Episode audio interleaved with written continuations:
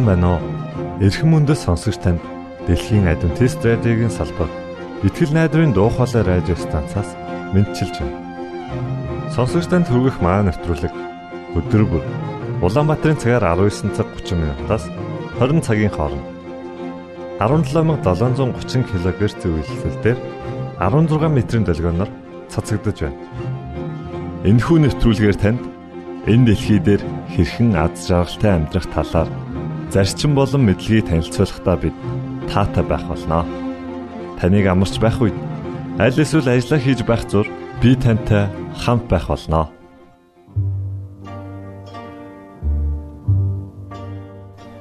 Энэ удаагийн нэвтрүүлгээ бид Silent Night хэмээх дуугаар эхлүүлж байна. Харин үүний дараа X үзлэл нэвтрүүлгийн цуврал дугаарыг хүлээн авч сонсноо. Ингээд хөгжмөдөө you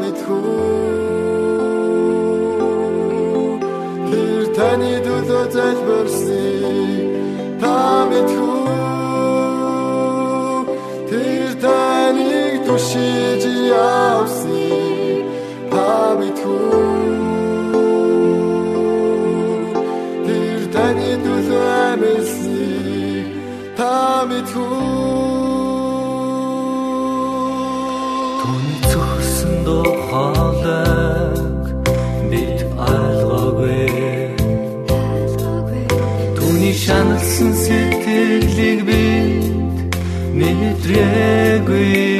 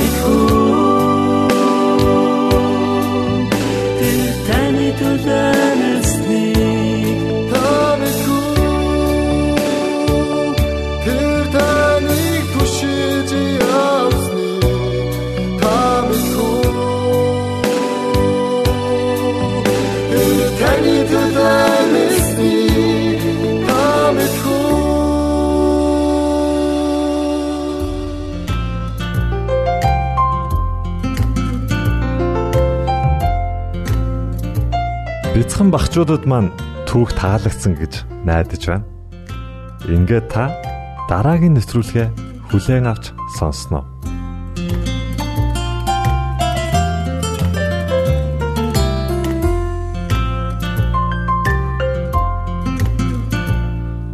Гимшлийн үчил Өөрт байгаа минь буруутгал өөлж хэлэх алдаа дутагдлууд Ядарч цөхөрсөн хоосон зүрх яг үнэндээ юу ч алгаа миний дотор гадна. Тантай уулзахад яагаад ийм хэцүү байдгийг таныг олж харахад яагаад ийм хол байдгийг хизээ танаас ингэж холдосноо хэлж мэдхийг хүсвч би чадахгүй. Хариулаач гэж танаас асууж бас зөрөглөхгүй. Тэрнээс цааш санахгүй аймаар Твчиж чадаагүй бараан, хар, улаан, цагаан буруутгал тэнд ч энд ч зуралдсан энхэн нэгэнтэй. Ачаа маань даанч хүнд болжээ. Аваачтэй гэж танд бас гомдолсон. Тэврүүлж байсан би таны хайранд дун чалан удаа. Тэгээд бүр үүрүүлж байсан таны нуруунд өдөр бүрл. Амтгүй байна гэж амьдралаа танаар бас амтлуулсан. Тэгээд хатуу байна гэж замаа хүртэл зөөллүүлж байсан танаар. Бэрх байна гэж буулгаа хүртэл танд өгсөн өгсөн буцаад ирэхэд байж байгаа ч гэд бурхан таныг би энд хүлээлгсэн. Хэрэг бурхан таны төвчээрт хязгаар гэж байдаг бол хязгаарт тань хүртэл таны гомдоосноо би мэднэ. Буцаж хизээч байгаагүй таны хайр Хувиршгүйг би бас мэдсэн. Буцаад намайг ирэхэд та хүлээлгсэн газараа байж л байсан. Ивэл гэж яг үнэндээ танд эргэн олдохыг олж харлаа. Ирээдүгэ гэж таны дотор дахин дахин хорогдохыг найдаж харлаа. Инэрл гэж таны өршөөлд дахин дахин багтахыг зүрх мэдэрлээ. Итгэл гэж таны твэрт бүхнээ бүрэн даатгахыг анзаарч харлаа. Хизээч билээ хинэгнэн надад олоон жилийн өмнө хайртай гэж хацар улайтал хэлж байсан нь санагдна. Хийгээгүй буруугүй төлөө хачин хитсэн нь бүр түүрхэн санагданаа. Харин өнөөдөр надад хизээч мартагдад сарнихгүй хаач намайг ичээж улаалгахааргүй эгэл хэрнээ эзэн химэн тунхаглагдсан игнишгүй хайрын бурхан надад гараа сунгаж байна. Яг одоо та тэр гарыг харж болно. Яг өмнө чинь Есүсийн халуун дулаан амар тайван оршихуй байна. Та ч үнээс хүртэх бүрэн эрэхтэй та зүгээр л гараа сунгаж түүнийг хүлээн аваа.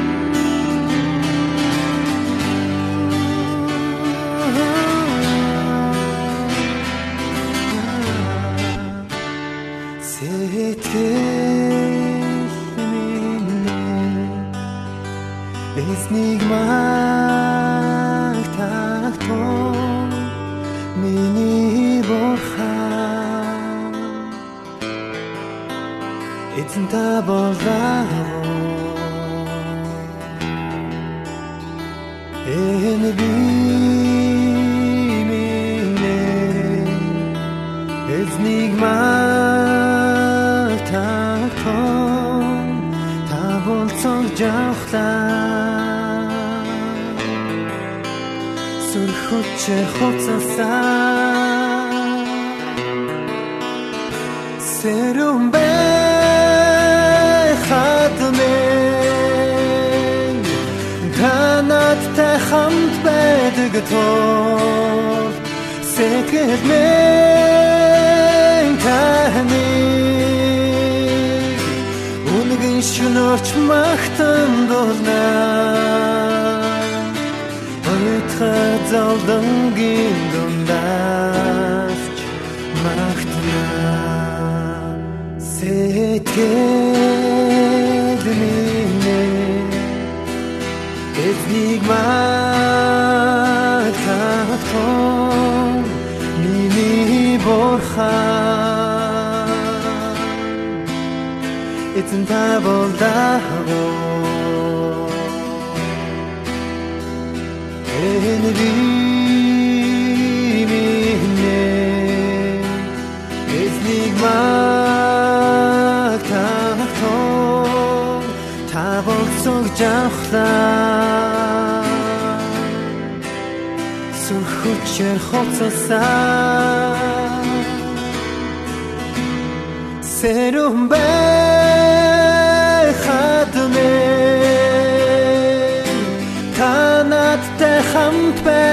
байдаг тул сэтгэл минь таны үнэн шинөрч магтан дурнаа Ойтхар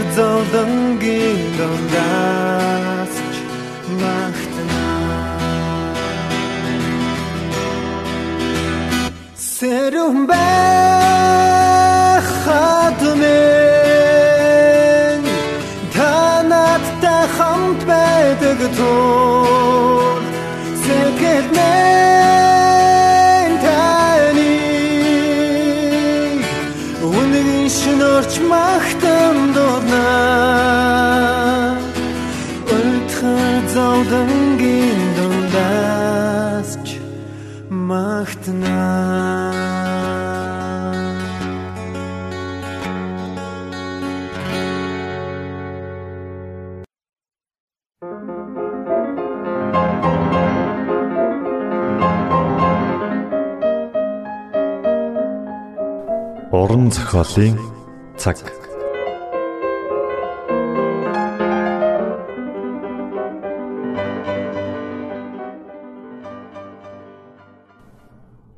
Есүс энэ дэлхийд ирсэн Галилийн уул толгодын дунд аших Назар хэмээх бяцхан суурьнд Йосеф Мари хоёр амьдран суудаг байв. Тэд Есүсийн дэлхийд ирэх эцэг эх нь болох болно. Йосеф бол Давид хааны удам. Тэр цагт Ромчууд ард иргэдээс татвар авах тушаал гаргахад Давидын хот болох Бэтлехэм рүү татвараа төлөхөөр Йосеф явах болжээ. Тэр цагт нааш цааш аялна гэдэг амар хэлбэр байсангүй. Мария нөхөртөөгөө Бэтлехэм явах Барта төгсүр замаар явсаар ихэд ядарчээ. Хөөхий бүсгүй тухтай сайхан амрах газар хүрсэн гэж хичнээн хүсэж байсан бол харамсалтай оцсон газарт нь дэм буудлууд хэдийнэ дүүрсэн байлаа. Баян эрх мэдэлтэй нэгэнд тогтой сайхан газар олдож байхад хөөхий энхүү даруухан аялагчд малын сарвч нь хоноглохоос өөр аргагүй боллоо.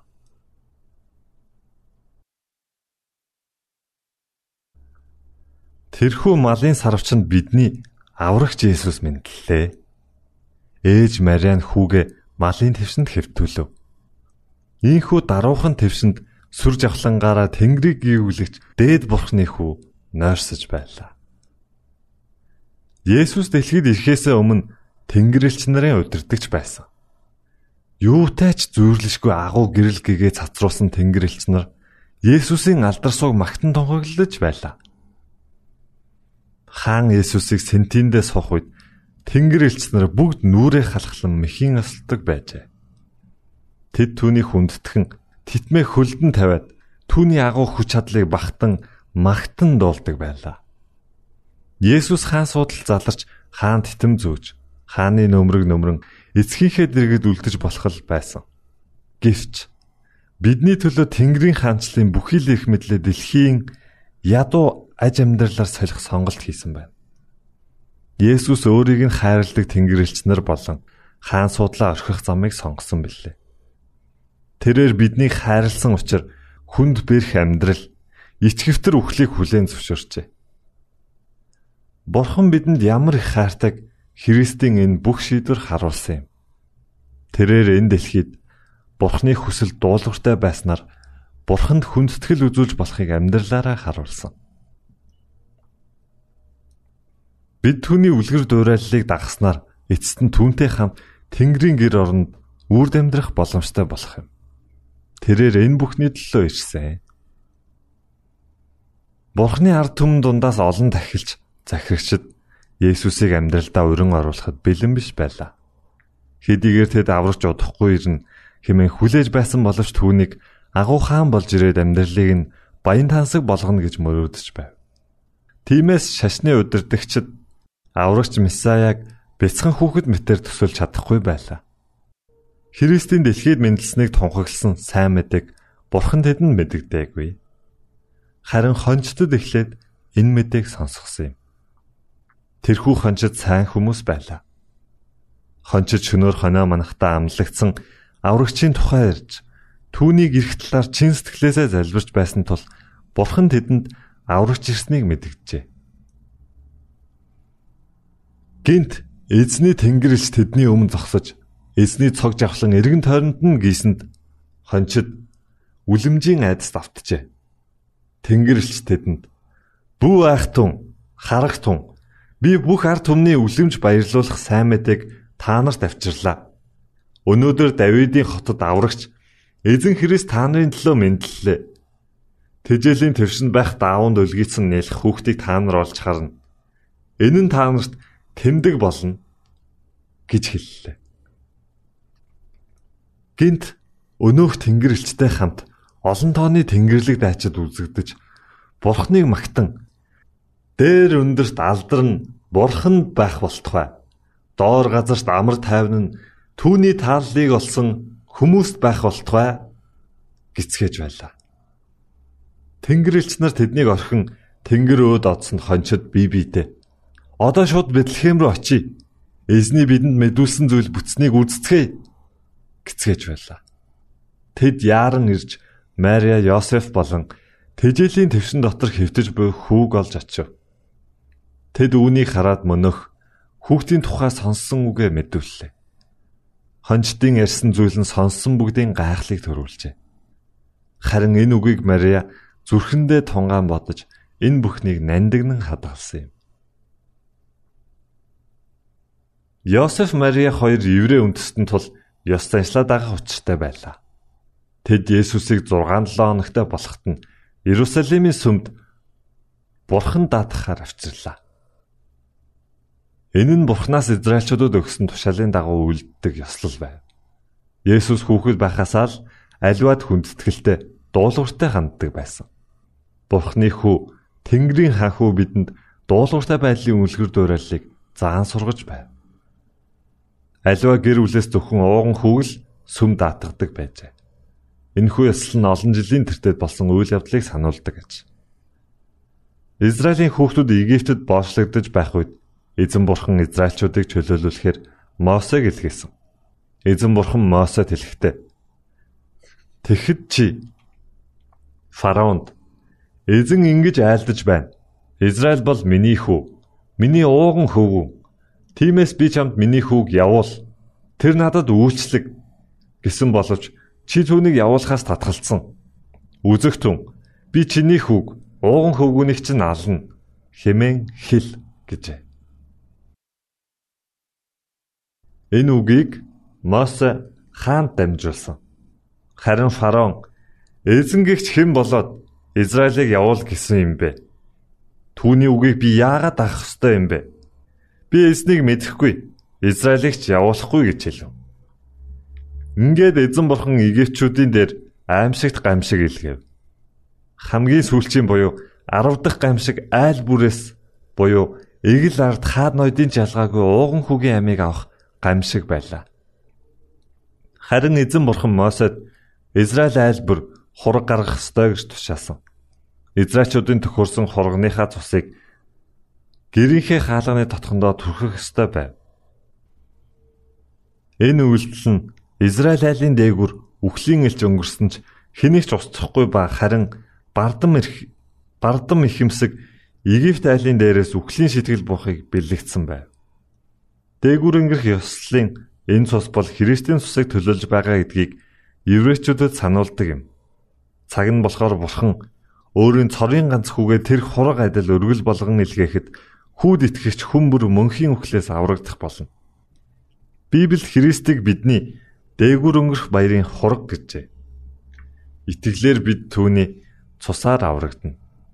Ийхүү Израиль айл бүр эрт цагийн тэрхүү үхлийн гамшигаас Үр хүүхдүүд нь аврагдсныг санан дурсаж ууган хүүгээс хүм дагдадаг болсон бөгөөд энэ нь хүм бүр мөнхийн үхэл гим нүглээс аврагдах боломжтойг бэлэгддэг ажээ.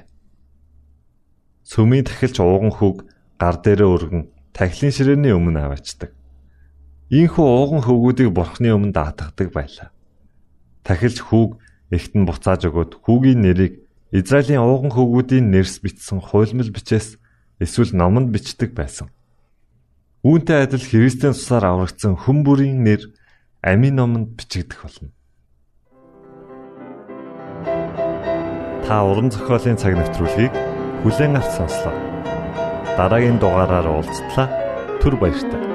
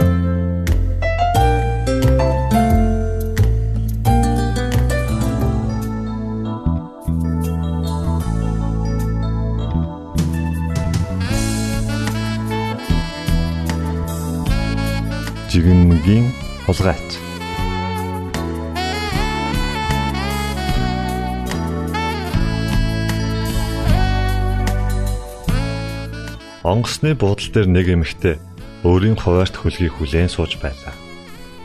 Онгоц нисэх хүртэл нилээд урт хугацаа байв. Тимээс онгоцны буудлын дэлгүүрээс нэг жигнэмэг, нэг ном худалдан авчээ. Ингээд өөртөө нэг судал олж авч суугаад номоо шимтэн уншихын зэрэгцээ хаяа нэг гараа сунган жигнэгээ нэг нэгээр нь авч идэж байлаа. Хэдийгээр хамаг анхаалаа номдоо төвлөрүүлсэн байсан ч хажууд нь ирж суусан нэг залуу өөрийнх нь жигнэмнээс хээвнийг аван идээд байгааг анзаарахгүй байхаар байсангүй. Залуу хээвнийг идээд байхаар нь бүр дургүй нөхөрч эхлэв. Хэрвээ би боловсон хүн биш байсан бол энэ залууг нэг санд элсээд авахгүй юу гэж бодож байлаа. Эмэгтэй жигнэг рүү гараа явуулах тоолонд залуу ч гэсэн ичгчгүй гараа сунгаж байлаа. Тэр хоёр инхүү уралдаж ицээр байгаад ганц жигнэмэг өлтөв. Бүсгүй.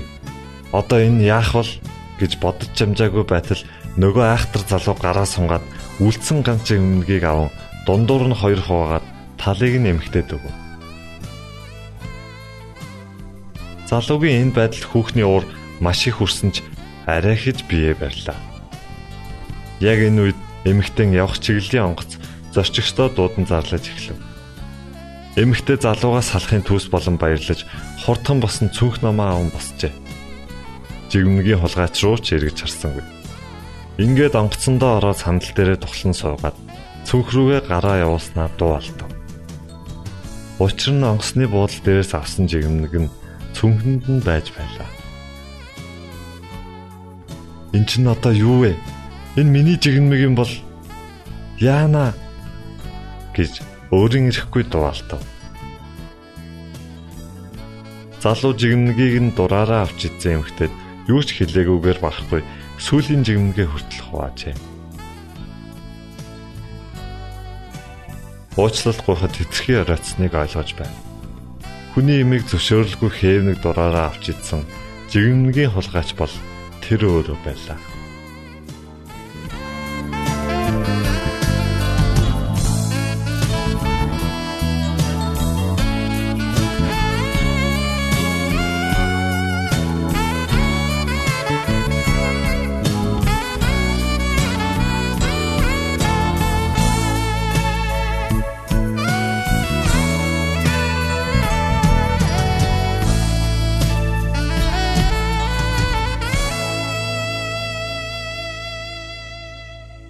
Итгэл найдрын дуу хоолой радио станцаас бэлтгэн хөрөгдөг нэвтрүүлгээ танд хүргэлээ.